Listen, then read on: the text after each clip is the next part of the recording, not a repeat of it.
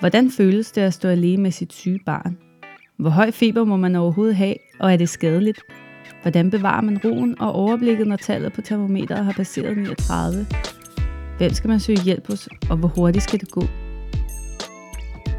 Du lytter til Lægerformidler med projektet Trygge Forældre, en podcast af læger, der vil formidle viden, i konkrete redskaber og ikke mindst give anledning til eftertanke omkring børn og sygdom.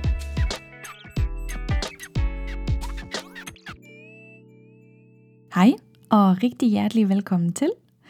Den her episode af vores podcast handler om feber, som afgjort er det hyppigste symptom, du som forældre kommer til at opleve, eller måske allerede har oplevet hos dit barn. Jeg hedder Laura Kvernland, og sammen med Anna Grønnerup og Ida Bjerg Sørensen har jeg grundlagt Læger Formidler, som skal formidle bro imellem vores lægeverden og dig derhjemme. Podcasten, du lytter til lige nu, den hedder Trygge Forældre, og er til dig, som er forældre til et barn imellem 0 og 6 år, men selvfølgelig også til alle andre, som gerne vil vide, hvordan man håndterer sygdom i barndommen. Men som sagt skal det i dag handle om feber. Feber står allerhyppigst i forbindelse med en infektion eller betændelse, og børn i alle aldersgrupper kan blive ramt. Og derfor er det også så vigtigt, at vi som forældre er informeret om feber, og ved, hvordan vi skal reagere, når temperaturen stiger. Til at dykke ned i feberen har jeg været forbi Morten Bæk, som er en rigtig dygtig almenpraktiserende læge på Frederiksberg. Han er daglig i kontakt med feberramte børn, og kan derfor dele rigtig meget af sin erfaring med jer, der lytter med. I de kommende minutter fortæller han om, hvad feber overhovedet er, hvor høj temperaturen kan komme op, og hvad vi som forældre skal være særlig opmærksom på. Og så kommer han ind på behandling af feber, både uden og med medicamenter, feberkramper og meget mere. Jeg glæder mig rigtig meget til at dele interviewet med jer, og øh, lad os bare gå i gang. Hej Morten. Uh, dejligt, at du har lyst til at være med. Tak skal du have, Laura. Um, har du lyst til at fortælle mig og lytterne en lille smule om dig selv? Jamen altså, jeg har været praktiserende læge nu i 12 år. Vi har en klinik på Frederiksberg. Og jeg har været læge i alt 23 år. Og så når vi nu skal tale om feber hos børn, så er jeg jo faktisk også selv far. Jeg har to drenge på 22 år, som, ja, de er jo store nu, men i virkeligheden så har jeg jo også været en nervøs far med et barn med feber. Så og det er jo en anderledeshed end at være læge. Um, som du også lige sagde, så skal vi to tage en snak om feber i dag. Um, og feber er jo en af de hyppigste, eller måske det allerhyppigste symptom i barndommen. Øhm, og jeg tror, at enhver forældre kommer til at opleve en eller måske flere episoder med feber, mm, også høj feber, hos deres børn. Øhm, hvor meget følger feber hos børn i din hverdag i praksis? Altså, øhm, feber i sig selv øh, fylder jo så meget, fordi ja, der er både mange mennesker, der ringer, eller forældre, der ringer med deres børn, når de har feber, som en del af det symptombillede, som de har, og der er også derfor mange, der kommer i klinikken med børn med feber. Så jo, det fylder, det fylder ret meget. Hmm. Mm, nu ved jeg jo, at det er vigtigt for dig, og det er også rigtig vigtigt for mig, at vi forklarer vores patienter, øhm, og i det tilfælde forældre, en lille smule om symptomerne, øhm, og øh, forklare lidt, hvordan man behandler det. Øhm, hvad plejer du at fortælle forældrene om feber? Det er jo selvfølgelig i praksis lidt forskelligt, fordi mange forældre ved jo godt, hvad feber er. Altså at feber bare er et tegn på sygdom og ikke farlig i sig selv. Men de kan jo så blive usikre på, hvor høj feber må være, en lang række andre ting.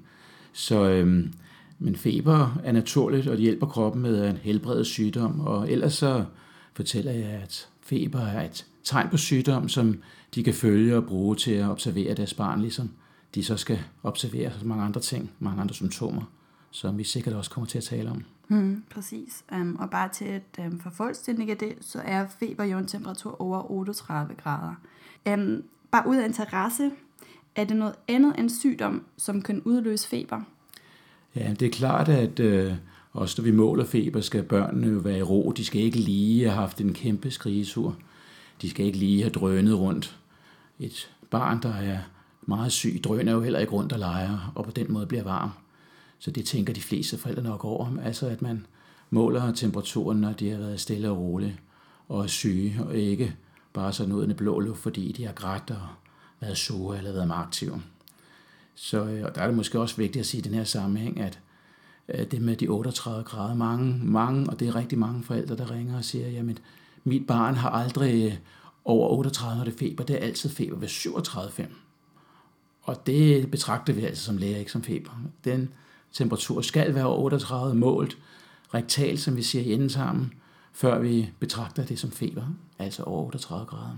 Hmm. Og nu nævner du også det der med, at øhm, måling i andetarm er meget vigtigt. Øhm, vi læger, vi vil rigtig gerne, at I forældre derude øhm, måler temperaturen i endetarmen, fordi det giver færrest afvielser. Øhm, det kan være rigtig svært at måle det under armen eller i munden, øhm, både fordi barnet måske ikke har lyst til at kooperere, og så på den anden side øhm, kan det give noget afvielser fra den andlige måling. Øhm, så det er selvfølgelig det, vi præfererer. Selvom øhm, man, når man kommer på hospitalet, øhm, måler hyppigt i øret, og det har noget med, altså med, det, med det rene praksis at gøre, at det er meget nemmere at måle temperatur i øret, når et barn er kommet på hospitalet, fordi vi kan ikke øhm, måle i andet tarm, hver gang der kommer et barn. Det er klart, og øh, øretermometer for så vidt også gode nok, især i hænderne på læge eller sygeplejer, som ved præcis, hvordan de retter måleren ind mod trommehinden. Man kan jo risikere, at der er fyldt med ørevoks i øret, som man må ikke, måske ikke selv kan se, mens barnet ofte vil blive kigget under en undersøgelse på hospital. Mm, præcis. Så jo, øh, måling inden tager med langt at foretrække, og man skal bare ikke være nervøs ved det. Det er mange forældre også lidt, lidt, lidt så nervøse ved at skulle til det termometer i endetarmen, men det er jo en ganske fredelig og fin undersøgelse. Mm, præcis, præcis. Øhm, helt generelt, Morten, hvor længe skal feberen vare, indtil du gerne vil se et barn? Altså, i virkeligheden er det jo ikke feberen. Feberen er kun et af de tegn, som vi godt vil holde øje med at høre om. Så øhm, hvis et barn har feber og ellers er meget frisk og rask og går rundt og drikker og spiser og trækker vejret fint, og der er god kontakt, så behøver vi ikke at se barnet det første døgn. Altså, den absolute grænse, kan man sige, er der nok ikke. Men hvis et barn ellers er frisk, som jeg har sagt, så synes jeg godt, man kan tillade et barn at være derhjemme hos forældre under god observation et par dage eller tre i virkeligheden.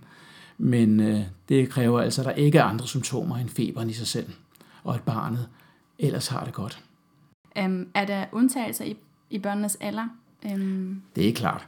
Altså, der er jo undtagelser, når et barn er under øh, tre måneder, så vil vi faktisk, så siger vi også til forældrene, at vi vil godt se barnet, eller lade en læge se barnet om natten, hvis det er, altså hvis det er sløjt og måske bare lidt snottet, men vi bryder os ikke om, at børn under tre måneder får feber. Ligesom der også kunne være undtagelser i sådan barnets almen tilstand. Er det et for tidligt født barn? Er det bare et barn, som vi ved har et svækket immunforsvar? Eller et barn, som i sin øh, tidlige spædalder, spædbarnsalder, har, øh, har haft øh, alvorlige sygdomme, øh, blodforgiftning og andre alvorlige sygdomme, så er vi nok lidt mere tilbøjelige til at se barnet, også lidt efter tre måneders alderen. Hmm. Hvad er det, du gerne vil vide af forældrene, når de kommer med et barn, som har fået feber? Øhm, er der noget informationer, øhm, man allerede kan forberede, inden man kommer i din praksis? Ja, altså, vi som, som vi oplever det, så er der jo stadigvæk en del forældre, som slet ikke har et termometer. Så, altså, og når vi nu taler om feberen, selvom det ikke er det eneste symptom, så er det meget vigtigt, at de har målt temperaturen. For man kan tro, at barnet har feber, og så er det måske ikke feber alligevel. Man kan øh, også observere barnet grundigt, for først og fremmest er der god kontakt. Ser barnet på en. Det kan godt være, at det virker lidt træt og, og ikke kigger og glad hele tiden, men altså øh, kontakten. Den skal være nærværende, når man skal kontakt med det, man skal vække barnet. Dernæst vejrtrækningen, altså at barnet trækker vejret fint. Det kan godt være, det hoster, men mellem hosten skal de kunne øh, lige trække vejret stille og roligt. Måske lidt hurtigere, fordi de har feber, men ikke væsende, spruttende, på andre måder påvirke vejrtrækning. Øh, så skal barnet være nogenlunde roligt, altså det skal ikke fremtræde, som om det er smerter. Det kan det lille, rigtig lille barn jo ikke fortælle os. Men hvis det virker som om barnet har smerter, det kunne være øresmerterne, tydende på noget mellemørebetændelse, eller at de har ligesom ikke vil spise eller drikke eller noget, Øh, så kan de have halsbetændelse ondt i halsen. eller de kan have mavesmerter. Det kan være svært at se, om et barn øh, har smerter, eller især hvor det har smerter. Men øh, det er også en vigtig ting. Så vil vi også godt have at vide, om det kan drikke, som sagt, og spise, og om det har våde blære. Fordi at, altså, at der kommer noget ind og noget ud den anden vej. Alle de her almindelige ting er noget, vi gerne vil høre, og sikkert også spørge om, hvis forældrene øh, glemmer det. Til sidst vil vi også høre, hvordan ser huden ud? Altså er der udslæt? Det er jo en ting, der bliver talt meget om, at udslæt kan være alt fra noget meget øh, lidt betydningsfuldt, som bare fortæller, at barnet har virus, og så til meget alvorlige udslæt, som fortæller os, at her der taler om alvorlig sygdom. Og det kan være svært at skelne. Øh, så hvis barn har feber, øh, og selvom det ikke er så påvirket, så vil vi ofte godt se et barn med feber og udslæt samtidig. Hmm, ja. Øhm, der kommer vi også lidt tilbage til vores safe-cirkel, som vi har udviklet. Øhm, de skridt, du lige nævnte, at den skal se på barnet og kigge på barnets adfærd og kontakt, øhm, og se, om det har drukket og spist, øhm, og der kommer noget ud i blæen. Øhm, og måske også, hvad man allerede har prøvet af, at tiltag, øh, om det havde en effekt. Øhm, det er meget fint, det runder det meget godt af. Øhm, hvis nu et barn er kommet i din praksis med feber, øh, med sin mor eller far, hvordan undersøger du det rent praktisk? Altså, hvad er det, du gør? Altså, øhm, jeg hører jo først, øh, eller jeg ser faktisk også på forældrene, når de enten, ja, de har ofte jo, er det jo små børn, så de har barnet på armen. Hvor rolig er moren, faren, når de har barnet. Øh, jeg lægger mærke til kontakten mellem mor og barn, og så helt på samme tid ser man jo også, øh, holder man også øje med, hvordan barnet øh, har de åbne øjne, øh, ser de stille og roligt ud, hænger de fuldstændig slap på morens arm, øh, farens arm, eller, eller er, der, er der en vis øh, spændstighed i barnet, græder barnet, ser det ud som der smerter, udslæt, der direkte kan ses. Det er jo sådan, når man er læge og sygeplejerske, så øh, lægger man faktisk mærke til det hele som sådan et billede på én gang. Øh, så man får så et ret hurtigt indtryk af, hvordan er situationen, er moren tryg ved det, er barnet tryg ved det, er barnet rigtig alvorligt syg, eller det trækker faktisk vejret og kigger sig lidt rundt og er lidt smånysgerrig. Det, det er de ting, vi sådan lægger mærke til, og så derefter så kommer selve undersøgelsen. Hmm, og hvad er det, du gør? Kommer jo lidt an på, hvad det drejer sig om. Vi vil altid se lidt mere af huden, altså klæde barnet lidt mere af. Vi vil øhm, lytte til barnets lunger, øh, fordi det er ofte en undersøgelse, som man kan lege lidt med stetoskopet og, og sige, her er en lille tromme, prøv lige at se den, og måske endda tromme på stetoskopet som en lille tromme, så barnet bliver lidt nysgerrig. Kan man starte barnets nysgerrighed, så vil det ofte være lidt mindre forskrækket ved undersøgelsen fremover. Så øh, vil man mærke på kirtler, stille og roligt mærke på hanselskirtler, øh, lidt under armene ved kravebenet. Men også på den måde mærke, om barnets hud er fugtigt, øh, tørt og varmt. Man vil jo også få en indtryk samtidig af vejrtrækningen. Lytter også altid til hjertet, når man alligevel har stetoskopet fremme. Øh, og så vil man øh, jo kigge børnene i øjnene. Er der øjenbetændelse? Er der blanke øjne? Er der som sagt god kontakt? Så vil man forsøge at kigge børnene i ørerne, fordi små børn med forkølelse ofte har nogle mellemørebetændelser. Det kan være væskeformede eller rigtige bakterielle mellemørebetændelser. Så vil man sådan stille og roligt øh, samtidig have trykket barnet lidt på maven og mærket, om barnet egentlig er blødt, blødt i maven. Øh, og stetoskopet også lige glæde ned på maven for at høre, om der skulle være normale tarmlyde. Og øh, så som noget, som barnet ikke bryder så meget om, det er ofte at blive kigget i halsen, for de forstår mm. det ikke. Øh, og man skal ofte have den her træspartel, altså den her øh, spal, så man kan få barnet til at åbne munden lidt, og ja, så vil de ofte græde, og der skal man nok have planlagt af sin øh, vatpind, så man kan undersøge for en eventuel bakteriel halsbetændelse med det samme, så man ikke skal gøre det her to gange, for det bryder de sig ikke om. Mm-hmm. Ja, og så øh, hvis barnet er meget sygt, så har man jo også tænkt på den her meget berømte nakke-rygstivhed, som kan være meget svær for forældre at måle, fordi det er et helt lille barn for eksempel, måske endda helt op til et år, vil ikke nødvendigvis have hed ved øh, meningitis. Nu er det jo meget sjældent, vi ser meningitis, og på den måde meget, meget sjældent, at, øh, at vi i det hele taget ser nakkerygstivheden. Jeg har for eksempel aldrig selvom jeg har siddet i praksis i 12 år og været læge i 23 år, har jeg aldrig set et barn med meningitis endnu. Og det skal forældre skal jo mere lægge mærke til kontakten netop ved det her, hvis man er bange for meningitis, altså hjernehindebetændelse, fordi den vil være påvirket. Barnet vil enten være meget slapt, øh, eller meget bevidsthedsvækket. Så det er sådan set med, derfor kontakten er meget vigtig ved de alvorlige sygdomme, eller end at tænke på, om der er nakke-rygstivhed. Vi vil jo lægge mærke til det, altså vi vil undersøge barnet for det. Mm, så det er mere sådan et lægeligt undersøgelsestegn, end det er et observationstegn for børnene, ja. for forældrene. Mm. Hvor hyppigt er det egentlig, at du tager blodprøver på børn, som har feber? Ja, altså, hvis øh, barnet er, er påvirket, altså har lidt dårlig vejrtrækning, lidt hurtig vejrtrækning, øh, ubehagelig host og øh, ser mere dårligt ud, end man bare tænker, okay, jeg finder ikke rigtig noget, det er lidt forkølet, øh, så kan man tænke, øh, her er det måske et barn, som kunne have en bakteriel infektion. Så kan man tage så her i klinikken, og det tror jeg faktisk de fleste klinikker kan, kan tage hurtigtest for det, der hedder CRP, som er C-reaktiv protein. Det er et protein, som stiger i blodbanen til forskellige niveauer, om det er en virusinfektion eller en bakteriel infektion. Øh, det er det såkaldte infektionstal, eller et af dem i hvert fald. Så det tager vi forholdsvis, forholdsvis hyppigt. Det er ikke altid, vi tager det dagligt, men vi tager det hyppigt, fordi så kan vi skelne mere, om det er virus eller bakterier. Øhm, hvad vil du sige ud fra din erfaring er de hyppigste årsager til, øh, til feber? Altså, øh, her hos os i Danmark, øh, så har vi jo simpelthen virusinfektionerne. De øvre luftvejsinfektioner er langt hyppigst øh, årsagen til feber her. Og det strækkende sig for det helt, øh, den helt enkle, meget øh, milde infektion, hvor der næsten kun er feber, og ikke andet. Dem er der mange af. Og strækkende sig over til de ret svære virusinfektioner, som man faktisk hos små børn godt nogle gange skal indlægge børnens observation, selvom det er en virusinfektion, som vi ikke i og for sig kan behandle med for eksempel antibiotika. Um, at gå lidt videre uh, og komme ind på faretegn. Um, ja. Er der tegn, man som forældre eller vores lytter um, skal være opmærksom på med et barn, som er feberramt? Ja, altså, øh, man, kan jo, man kan jo måle feberen, men, og det er jo et signal i sig selv, altså det er jo et tegn.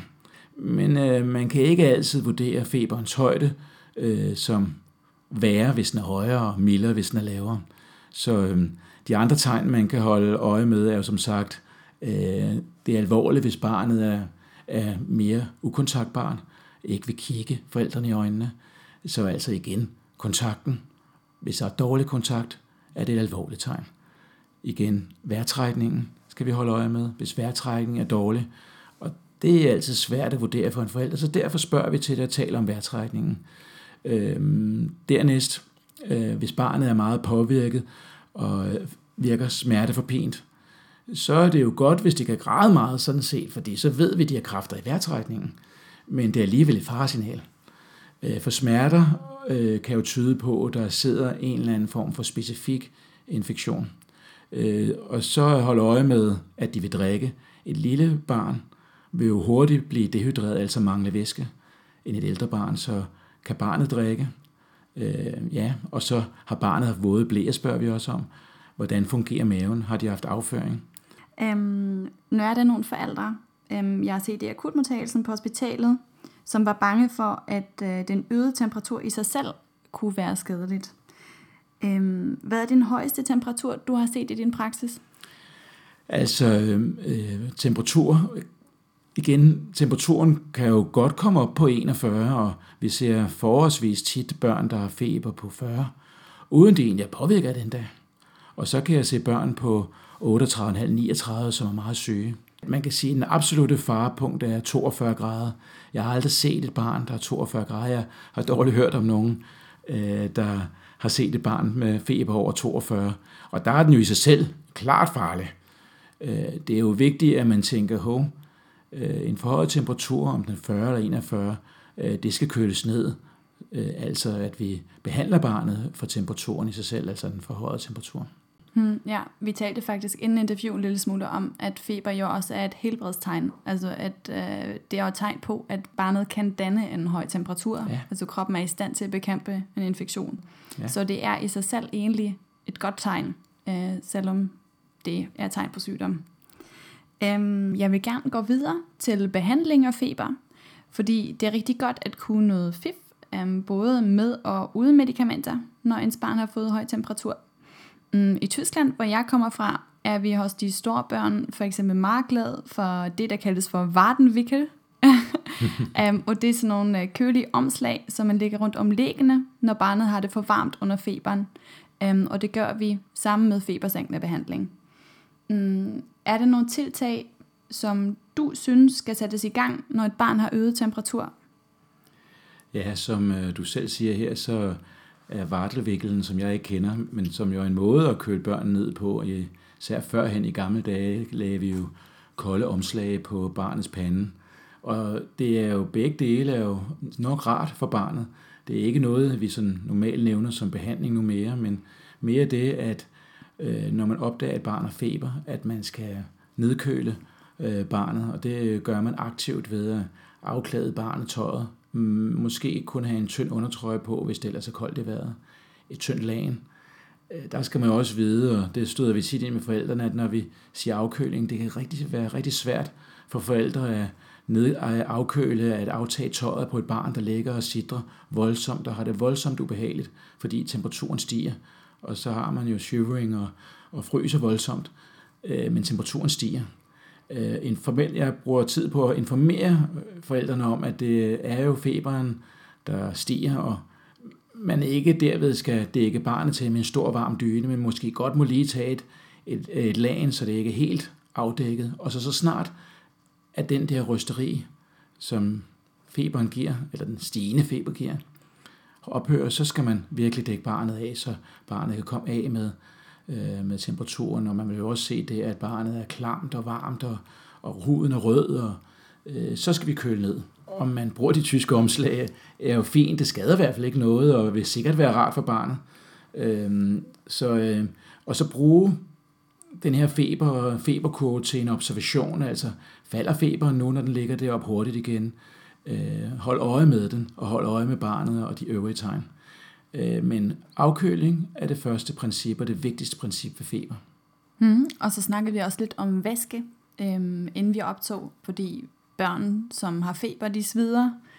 De sveder rigtig meget, øhm, og de har det rigtig skidt, og de har brug for at få noget væske. Øhm, og øh, det er faktisk rigtig vigtigt, at man holder lidt øje med, hvor meget barnet drikker, som du også sagde før. Præcis. Øhm, men det kan være rigtig svært at få væske ind i et barn, som er syg. Ja. Øhm, hvordan, har du nogen fif til det? Ja, altså selvfølgelig hos de helt små børn, øh, kan man jo prøve med sutteflasken med lidt vand. Man kan have en todekop. Øh, men nogle gange kan det være så svært, øh, fordi barnet måske er lidt kvalme, så kan man anvende det, at man bruger en lille teske, og på den måde teskefuld for væske i barnet. Det kan jo være svært at måle selv, så der kan man jo have, tage det fra en kop eller noget, så man ved, hvor meget man har givet barnet, for det med en teske får man jo ikke så meget ind i barnet, men det er dog vigtigere, at man forsøger at få noget, end at de slet ikke vil tage sutteflasken, ikke vil tage tudekoppen. Så for eksempel det er små, små portioner, især hvis de har kvalme af små portioner, det er måske en gang i minuttet, at man skal tilbyde børnene feber og kvalme ondt i halsen og sådan, for at sikre, at de får væske nok. Hmm, jeg har faktisk en gang hørt en fyf af en sygeplejerske på min afdeling, og hun sagde, at de der panodilsprøjter kunne være en idé at trække op med væske og så give. Så ser man en lille smule, hvor meget der ryger ind. Øhm, men altså, det er jo meget afhængigt af situationen også. Ja. Og men det er da en rigtig god idé. Den havde, den, lige den variation havde jeg heller ikke hørt før. Man skal jo passe på med at sprøjte for meget, øh, også med antibiotika. Man kan jo nærmest sådan uh, sprøjte det helt ned i, i svælget på børnene, så når man sprøjter, øh, så peger det lidt ind mod kinden. Og det er da en rigtig god idé, du har hørt det her. Mm, og langsomt, sprøjte ja. lidt langsomt. Ja, ja, ja præcis. Øhm, febersængende behandling med medicamenter det er jo ret kontrovers diskuteret. Øhm, der er der nogle forældre, som er meget tilbageholdende og endda bekymret for at give medicin til deres børn. Øhm, og på den anden side har jeg faktisk læst en del artikler, øhm, som siger, at vores tendens som læger, og dermed også som forældre, til at give febersengene er stadig. Øhm, hvad er din holdning til febersengende behandling med medicamenter?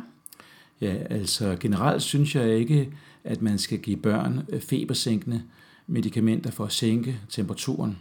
Altså feberen er en naturlig, naturlig reaktion, og som vi også gerne vil observere, når feberen falder, så er barnet måske ved at være rask. Hvis vi giver febersænkende midler, så øh, har vi jo ikke rigtig temperaturen som et egentligt tegn længere.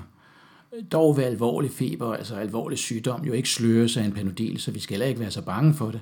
Men jeg tænker mere, at den øh, panodiler og ibuprofen, som man også er begyndt at give lidt, øh, skal gives, hvis barnet er sløjt og har det skidt. Fordi det er jo også svært som forældre, også som, også som behandler, svært at se på et barn, som har det meget dårligt. Så altså egentlig ikke for at sænke feberen, men mere sådan for at øh, lindre barnet for sygdommen. Hmm, ja, og det behandler jo også smerter. Som vi lige kom ind på, så er det jo også vigtigt, at de drikker børnene. Um, og hvis man har givet dem en panodil, um, så kan de synke, uh, synke væsken lidt bedre. Ja. Um, findes der regler for, hvordan, hvornår man skal give febersænkende behandling? Nej, mange tror jo, at altså det ligger jo også lidt i ordene, at man tænker, at feberen er farlig, og, øh, så det er grundigt information, der er vigtig her, fordi der er ikke øh, nogen absolute øh, tidspunkter, sygdomme, hvor man skal give febersænkende øh, lindrende midler. Det er der ikke. Mm-mm. Altså det kommer totalt an på, hvordan barnet har det. Ja. ja. Øhm, er der bivirkninger, man kan opleve, når man giver febersænkende? Altså, ikke ud over, at hvis barnet nu er kvalme og forsøger at synke det her, det smager jo egentlig rimeligt, den øh, panodil-mixtur, øh, man giver. Så, øh, men hvis barnet har lidt ondt i maven eller kvalme, så kan de jo kaste op af det, altså selve det, man forsøger at give dem det. Øh, det vil de jo også gøre, hvis det var mad. Så det er jo ikke, fordi det er medicin, det er blot det, at man får noget ned i maven. Der er egentlig ikke øh, sådan bivirkninger, hvis man altså, som er meget vigtigt, holder sig de doser, som er vægtrelateret til barnets alder, til barnets vægt, og ikke giver for meget, så er der ikke bivirkninger øh, ved den her behandling. Hmm. Hvor længe kan man egentlig blive ved med at give febersænkende behandling? Altså hvis barnet nu har haft feber igennem 5, 6, 7 dage? Ja, 5-6 øh, dage vil være alt for meget for mig. Jeg kan godt lide at sige til mine forældre, når vi har talt om det, at øh, ja, du kan give panodil mod smerter og ubehag, øh, feberubehag til dit barn, men øh, når der så er gået et døgn, så prøv lige at holde en pause med det. Dels for at se, jamen, det er slet ikke sikkert, at dit barn har feber længere bagefter, øh, så du får observeret, hvordan det er uden det her øh, febernedsættende, smertestillende medicin. Så der vil jeg sige et døgn, pause, hvordan går det? Øh, og ellers, øh, hvis man har gået øh, uden en diagnose, bare observeret barnet øh, derhjemme for feber, så, fordi der ikke var måske andet end feber, øh, så vil jeg alligevel godt have den her besked. Nu har jeg givet mit barn øh, panodil et døgn. Hvordan, hvad, hvad, hvad kan det være, ikke? Og ellers absolut, som vi også talte om før, øh, synes jeg, at når der er gået tre døgn med et feberbarn, altså et barn som sagt, som er større end tre måneder og ikke har andre lidelser, øh, ukompliceret feber, tre døgn, så synes jeg, at en læge skal se på barnet. Hmm, ja. Um, nu snakkede vi jo en lille smule om flydende panodil ja. um, og ibuprofen. Ja. Um, er det noget febersænkende præparat, som du især anbefaler?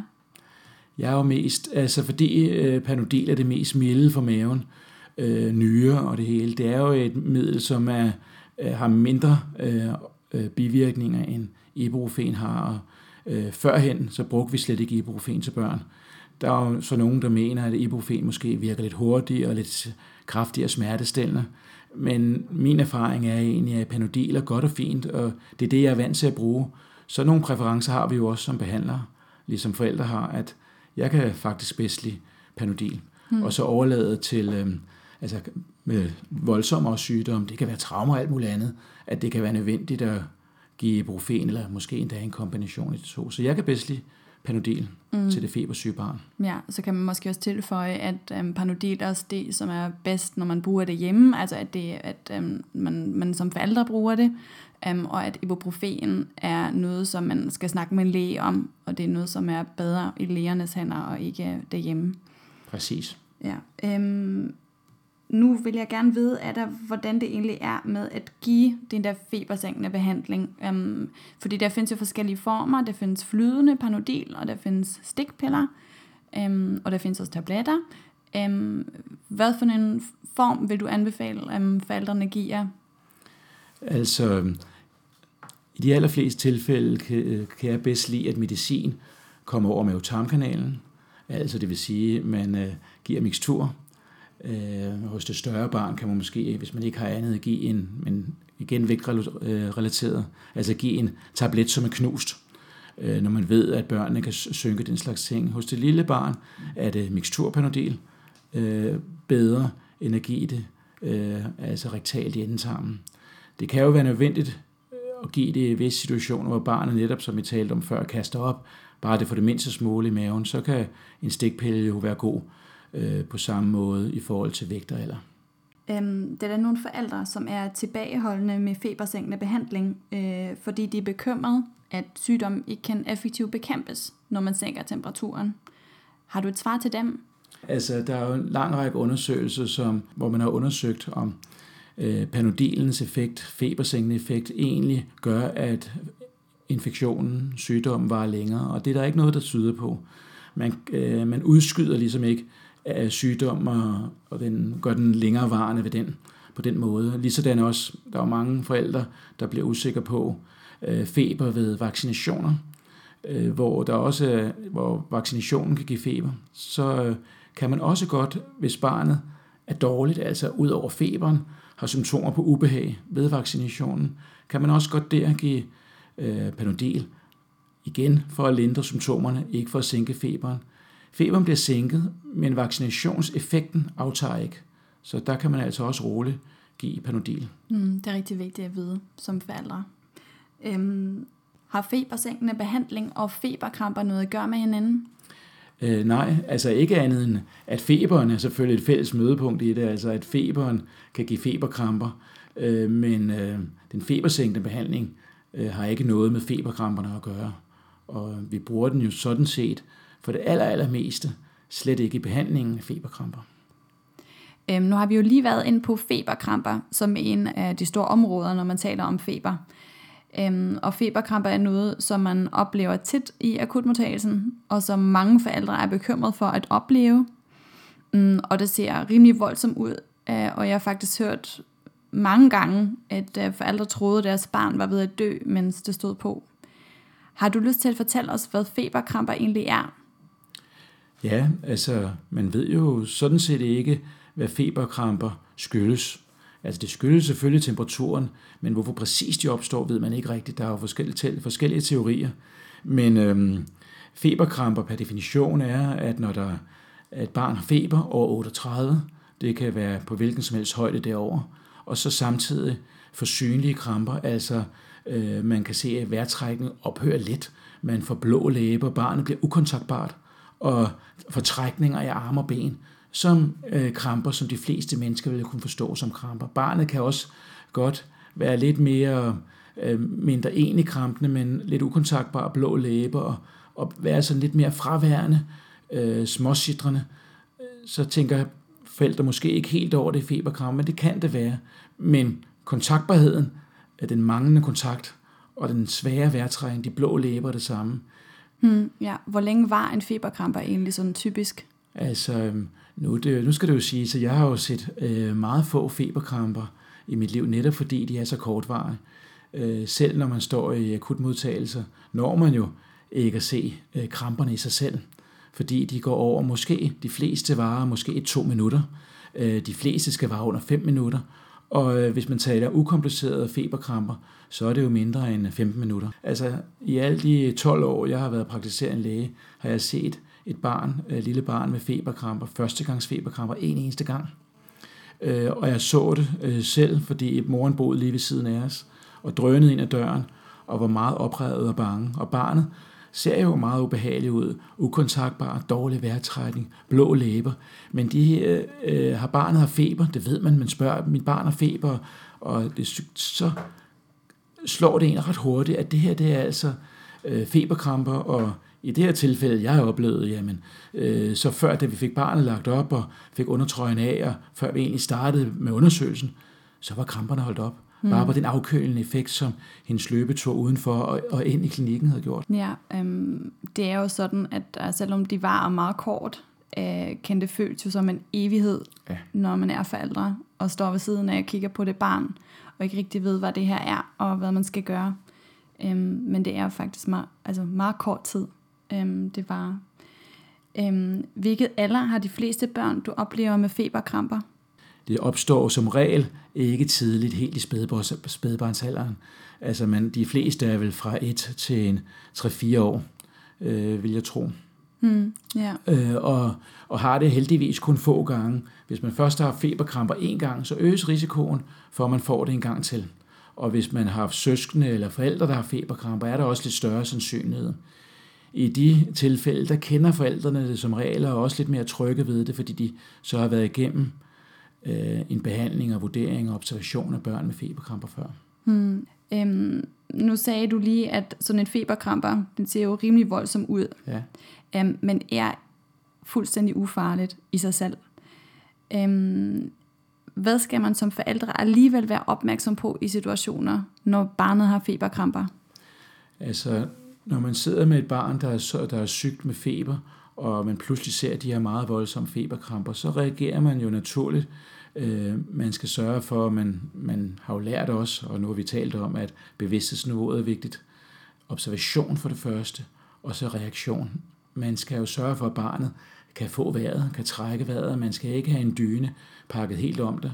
Øh, man skal sørge for at få ringet 112, fordi det er første gang, strengt taget kan man jo ikke vide, om det her er kramper af en anden årsag, selvom øh, kramper af andre årsager meget sjældent, og det som regel vil dreje sig om feberkramper. Så skal man reagere på det med at øh, altså have kontakt med barnet, lade barnet sidde op, frie luftveje. Man har jo ikke endnu, når det er første gang noget medicin at give, og man skal heller ikke bekymre sig om at give panodil overhovedet, heller ikke stikpiller. Man skal ringe 112 og tilkalde en ambulance, når det er første gangs anfald. Hmm. Øhm, hvad kan man forvente, hvordan vi lærer behandler en feberkrampe, når man så kommer på hospitalet? Altså hvis der skulle i sjældne tilfælde, at det ville gå så hurtigt, øh, så øh, man vil nå så hurtigt ind, så barnet stadig krampet, hvilket er sjældent, jamen øh, så vil man på hospitalet jo, øh, når man ser kramperne, give krampestillende medicin, såkaldt diazepam, som er sådan noget, en væskeformet klyk, som man kan sige, et væskeformet øh, ting, som man giver ind i endetarmen, ligesom en panodilstikpille. Og så afklæder man barnet og køler ned, og, og, og vil observere barnet, for at det ophører. Hmm. Og det der lille vaskeformede af det diazepam, det kan man også få med hjem, hvis man har nu et barn, som lider af feberkramper og har det mange gange, øh, så kan man faktisk også have det liggende derhjemme. Netop, og, og så, når man så har set, at, at krampen måske allerede gik over af sig selv, før man kom ind, så kan øh, børnelægene godt ordinere det netop til at give hjemme, og så er man som forældre jo også mere tryg, fordi så kender man symptomerne på feberkramper og ved, at feberkramperne øh, ikke er alvorlige i sig selv, at det er naturligt begrænsende, men at langvarigheden øh, kan gøre, at man vil blive nødt til at give noget klysma, altså en diazepam-klysma, øh, simpelthen som symptomlindring. Hmm. Ja. Har febersækkende behandling en effekt på feberkramper? Det mener man ikke, det har. Og øh, førhen, øh, når børn havde feberkramper øh, hyppigt, så blev forældrene jo meget forskrækket og, og gav måske lidt rigeligt øh, febernedsættende medicin for at undgå feberkramperne. Øh, men, men det er lidt vanskeligt. Der er ikke, det er ikke i moderne behandling, at man bruger panodil som febernedsættende i normale tilfælde. Er der far for, at børn med feberkramper udvikler øhm, en krampelidelse eller epilepsi senere hen i livet? Nej, altså feberkramper og epilepsi har jo ikke noget med hinanden at gøre. Øh, man kan for så vidt i en sjældent tilfælde godt se et barn, som har feberkramper, og så senere får diagnostiseret epilepsi. Men øh, det har ikke noget med feberkrampen at gøre. Altså, øh, det er feberkramper og epilepsi er uafhængige former for, for kramper. Um, nu kommer der et par standardspørgsmål, um, som vi stiller alle eksperter. Ja. Um, og det første er, hvad du personligt synes er det vigtigste at tage med fra det her interview, når det handler om feber hos børn. Ja, øh, ganske kort. Feber er en naturlig reaktion på sygdom. Det er et tegn, som kan observeres. Det er absolut slet ikke det vigtigste tegn. Øh, det hører sammen med de andre tegn øh, til observation for sygdom. Kontakten, barnets bevidsthedsniveau er meget vigtigt. Øh, barnets vejrtrækning er meget vigtigt. Altså observere, om barnet trækker vejret fint og regelmæssigt øh, barnets øh, væskegrad, altså at barnet vil drikke, og at barnet har våde blæer. Øh, så ja, feber, kontakt, vejrtrækning og væske. Det er sådan set øh, de vigtige ting. Og så skal også lige nævnes smerter, vil vi som regel godt have noget at vide om. Observation af disse ting øh, er vigtig i forbindelse med det febersyge barn. Ja. Øhm, kan du anbefale en god kilde, når man gerne vil informere sig om feber hos børn? Ja, altså jeg øh, er lidt forsigtig med at tilråde sådan fuldstændig ukontrollabel søgning på nettet. Fordi øh, der kan være mange oplevelser som forældre og alle mulige andre mennesker har omkring de her ting, så, som kan give forkerte oplysninger. Så jeg vil øh, anbefale de offentlige sider, altså sådan som øh, de sider, man kan finde på sundhed.dk, som øh, man kan faktisk google patienthåndbogen, og så får man øh, fornuftige oplysninger der, som er verificeret og, og behandlermæssigt lægeligt og sygeplejemæssigt godkendte. Mm, præcis. Altså patienthåndbogen kan jeg også varmt anbefale. Um, de er altid opdateret, og de, um, virkelig prøver, de prøver virkelig at informere patienterne rigtig, rigtig godt. Uh, og nu er der også kommet videoer på. Det er rigtig sejt. Ja. Um, hvad oplever du, at de forældre, som opsøger din hjælp, er mest bekymret for, når deres børn er syge? Men det er jo klart det her med, at de kan være alvorligt syge. Øh, når det er bare en forkølelse, så er der jo mange, der er bange for lungebetændelser. Øh, der er også bange, især i perioder, hvor der er meget meningitis, altså hjernehindebetændelse, så kan være forældrene være bekymrede for det. Men generelt er det jo, at de er bekymrede for alvorlig sygdom. Øh, de fleste mennesker ved godt, at, at vi i Danmark har mange forkølelser om vinteren. Så og det, det er ikke det. Altså, og der skal man jo vide, det er jo det, som vi er der til, for at finde ud af, om barnet er alvorligt sygt eller ej. Ja, præcis. Um, Morten, nu har du vel læge i 28 år, sagde du, ikke? 23. 23 år. Ja. Um, og dermed har du været del af en udvikling, um, og har set en, en årrække ja. um, af patienter og forældre. Synes du, at der er en tendens til, at forældre er blevet mere bekymret med tiden? Nej, altså det talte vi jo også om, lidt om før her, at øh, det sted, det jeg sidder, jeg sidder jo i almen praksis nu her øh, i 10 år, og jeg har også været i lægevagten 10 år før, Øh, så øh, jeg oplever egentlig ikke nogen forskel, hvis jeg skal være helt ærlig. Altså, øh, forældre har til alle tider været bekymrede for deres børn, og vil have, have fornuftige informationer, fornuftig udredning, fornuftig behandling. Øh, så der er nok nogen, der oplever, at, at forældre er blevet mere bekymrede men, og mere frustrerede, men det gør jeg egentlig ikke. Øhm, hvad kan forældre i dine øjne gøre for at bevare overblikket og blive mere tryg i situationer, hvor barnet er sygt? Altså igen, øh, se, øh, se på deres børn, blive gode til at observere, bevare roen, orientere sig, patienthåndbog, spørge deres læge, spørge deres, øh, den sygeplejerske, der har sundhedsplejersken. Altså orientere sig godt i, hvordan man observerer et sygt barn. Øh, det, det er det. Ja.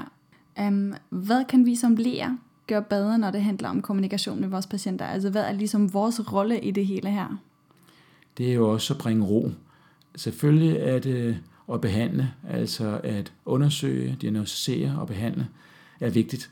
Men hvis vi kun ser på det, så kan vi måske nogle gange øh, glemme at, øh, at skabe ro øh, hos forældrene, er jo næsten det, der er det vigtigste, fordi det gør vores udredning, diagnostisering og behandling nemmere.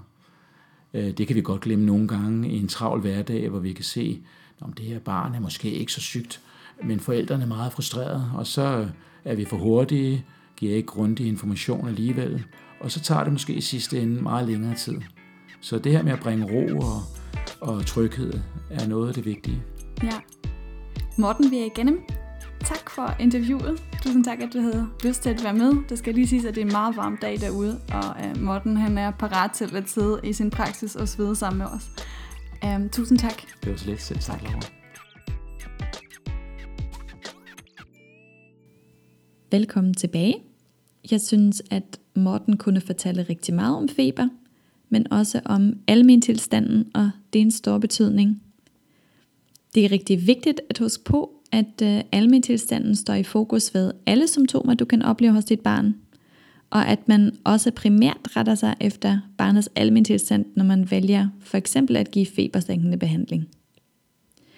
Hvis du gerne vil vide mere om SAFE-cirklen, som vi nævner i interviewet, og som vi har udviklet til en systematisk og nem vurdering af barnets almetilstand, så gå gerne ind og lyt til episode 2, og du kan finde billedet af cirklen på hjemmesiden. Hjemmeopgaven til denne gang er egentlig to ting. Det ene er, at du gerne må tjekke, om du har en febertermometer derhjemme, så du kan måle temperaturen ved mistanke om sygdom hos dit barn. Termometer specielt til børn findes på apoteket. Det har sådan en blodspids. Og så har vi lagt øh, læsemateriale op på hjemmesiden, så du kan informere dig om feber og feberkramper. Bare at du har tænkt lidt over, øh, hvad du vil gøre, hvis dit barn for eksempel har en tendens til feberkramper, øh, når temperaturen stiger, kan gøre dig trykker i situationen. Kom gerne med feedback på hjemmesiden og Facebook, hvor vi hedder Lea Formidler. På Instagram bruger vi hashtagget Trygge Forældre. Og giv os gerne en anmeldelse på iTunes, så vi kan nå ud til så mange små børnsforældre som muligt. Vi glæder os til alt, som du har lyst til at dele med os. Vi lyttes ved næste gang, når Anna og akutbørnelæge Tim Christensen fra Halle Hospital tager en snak om hoste, snot og vejrtrængsbesvær. Hej hej!